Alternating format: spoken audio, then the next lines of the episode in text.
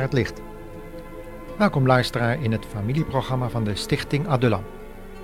Ons thema voor vandaag is gedrevenheid en stressbestendigheid.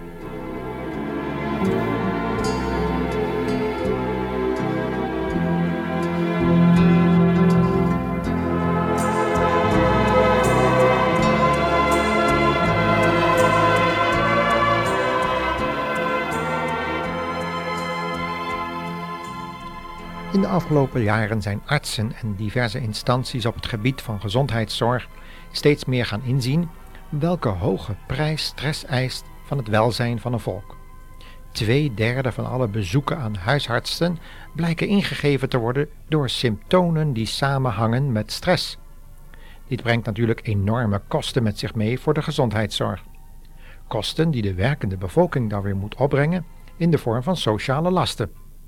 Alleen dit feit al brengt weer nieuwe spanningen en arbeidsonrust met zich mee, wat vaak gepaard gaat met een nieuwe golf van stressverschijnselen en helaas ook toenemend agressief gedrag.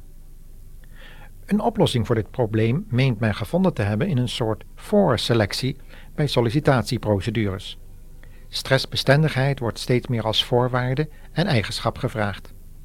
Maar wat is stressbestendigheid eigenlijk en hoe herken je dat? Om hier een antwoord op te krijgen, kunnen we ons het beste opnieuw tot de Bijbel wenden.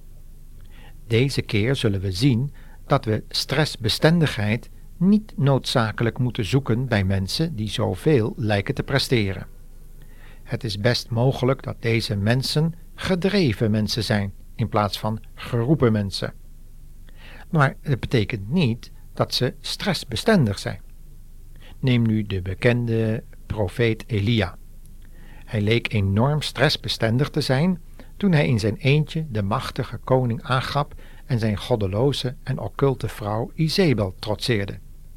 Maar toen deze profeet zijn visie verloor, door na te denken over de enorme macht van Izebel, verloor hij al zijn volharding en moed en viel hij in een diepe depressie en stress. Hoe kwam hij in deze situatie? Laten we zijn geschiedenis eens nalezen in 1 Koningen 19. Daar lezen we het volgende.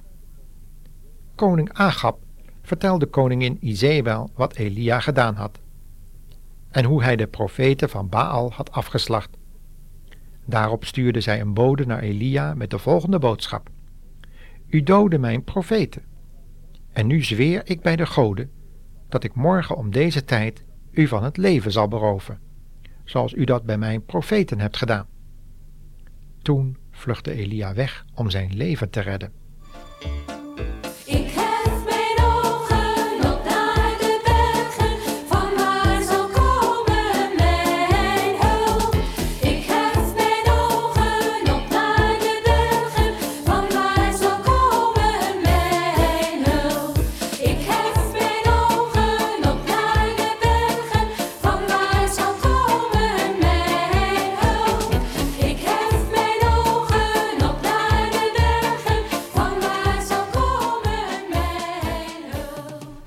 Mensen kunnen zich aangetrokken voelen tot een sterke persoonlijkheid, die in staat is voldoening te geven in dit leven en hoop voor de toekomst. Zo kwam het volk diep onder de indruk van Elia's machtige persoonlijkheid en gedrevenheid.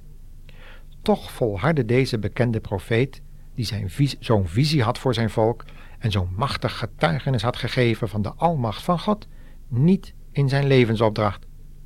Hoe kwam dat? Tijdens zijn depressie kwam het eruit. Hij had in zijn denken een gedachte toegelaten dat hij een van de grootste profeten moet zijn geweest. Groter en beter dan zijn voorgeslacht.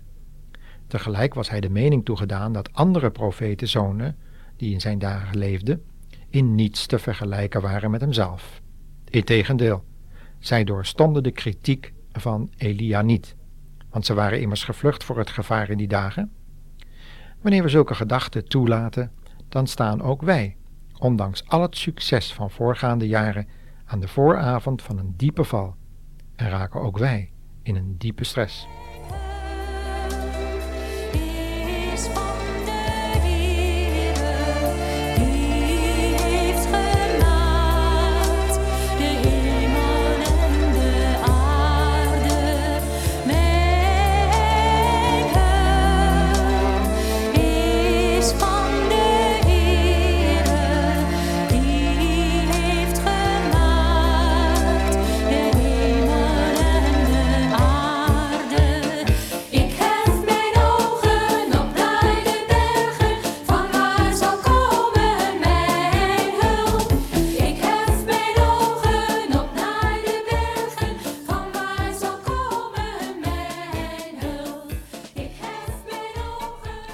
Stressbestendigheid zit hem dus niet in het hebben van een sterke persoonlijkheid zoals Elia, maar in het juist inschatten van de situatie en de eigen afhankelijkheid van God. Zolang wij beseffen dat wij uit genade leven en nauwkeurig acht geven op Gods aanwijzingen, zodat we inderdaad niet boven vermogen verzocht worden, zal het gevaar van stress niet zo groot zijn. Kennis van de eigen roeping en kennis van de eigen afhankelijkheid en beperktheden maken iemand stressbestendig. Maar een hoogmoedig aangelegd persoon zal vroeg of laat het gevaar lopen in een stress te geraken. De Bijbel heeft ook op dit punt veel te zeggen. Luister maar naar wat de apostel Petrus heeft geschreven, die ook veel weet had van stress en depressies in zijn leven. In 1 Petrus 5, vers 5 tot 8 schreef hij: U moet in de omgang met elkaar nederig zijn, want God is tegen trotse mensen. Maar als u nederig bent, zal Hij u genade geven. Als u zich buigt onder de sterke hand van God, zal Hij u oprichten, als Hij vindt dat de tijd daarvoor gekomen is. Geef al uw zorgen en problemen over aan God, want Hij houdt van u en zorgt voor u. Maar ondanks dat moet u de situatie goed inzien en op de hoede zijn voor de grote tegenstander, de duivel. Hij gaat rond als een brullende leeuw, op zoek naar een prooi om te verslinden.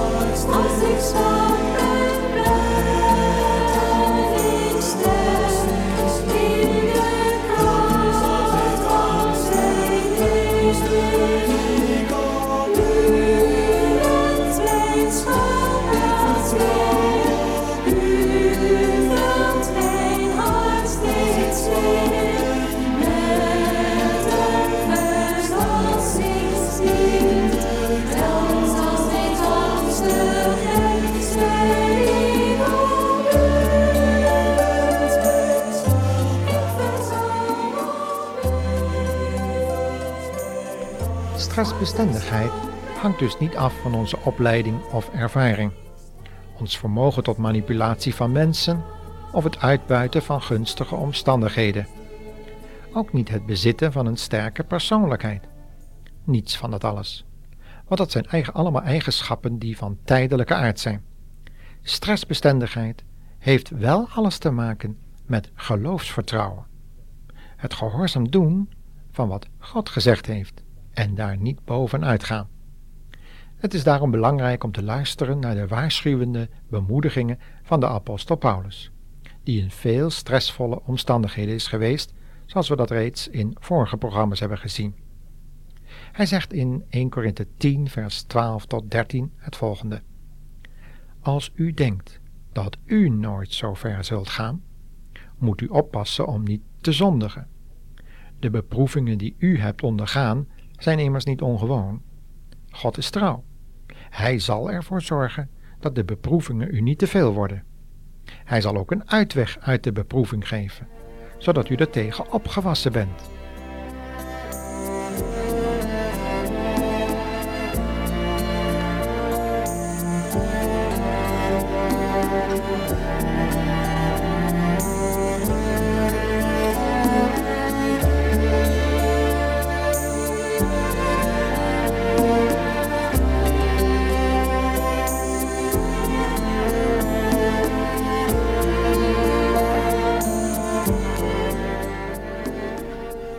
Wanneer we dit tot ons door laten dringen, zien we dat er een bedekte toespeling is naar onze eigen verantwoordelijkheid.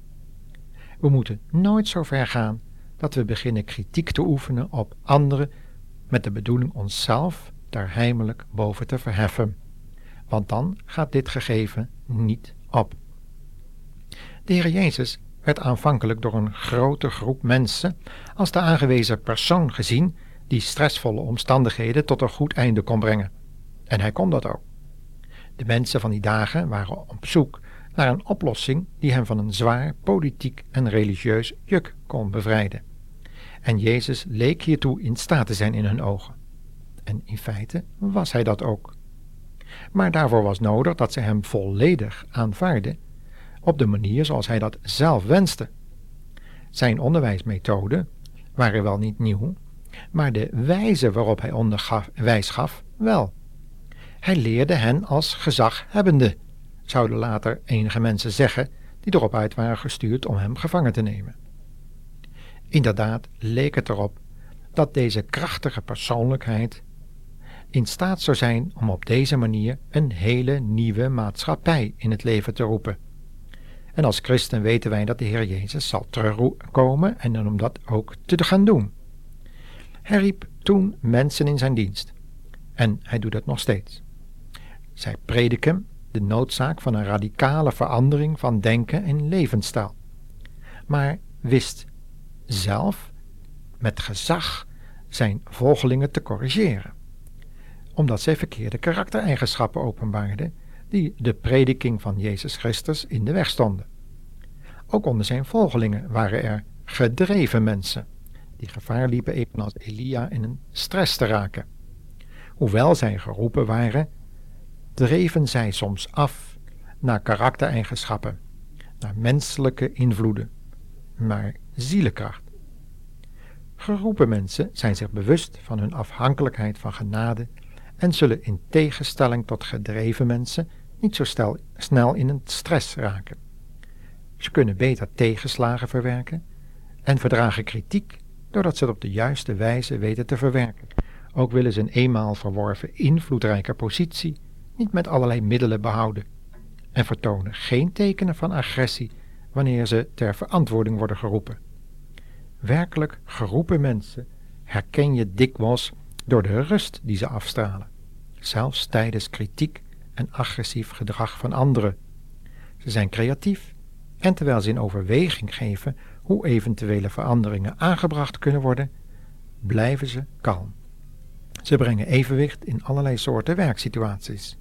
Ze hoeven geen gezag te claimen, want ze hebben het door hun hoogstaande morele wandel. En anderen voelen hun roeping en erkennen dat ook. Uit de geschiedenis van Jezus is echter gebleken dat veel mensen niet wilden ingaan op zijn radicale en noodzakelijke eis tot bekering en wedergeboorte. Velen wijzen deze voorwaarden om werkelijk blijvend geholpen te kunnen worden in de stress helaas af. En hoe staat u daar tegenover?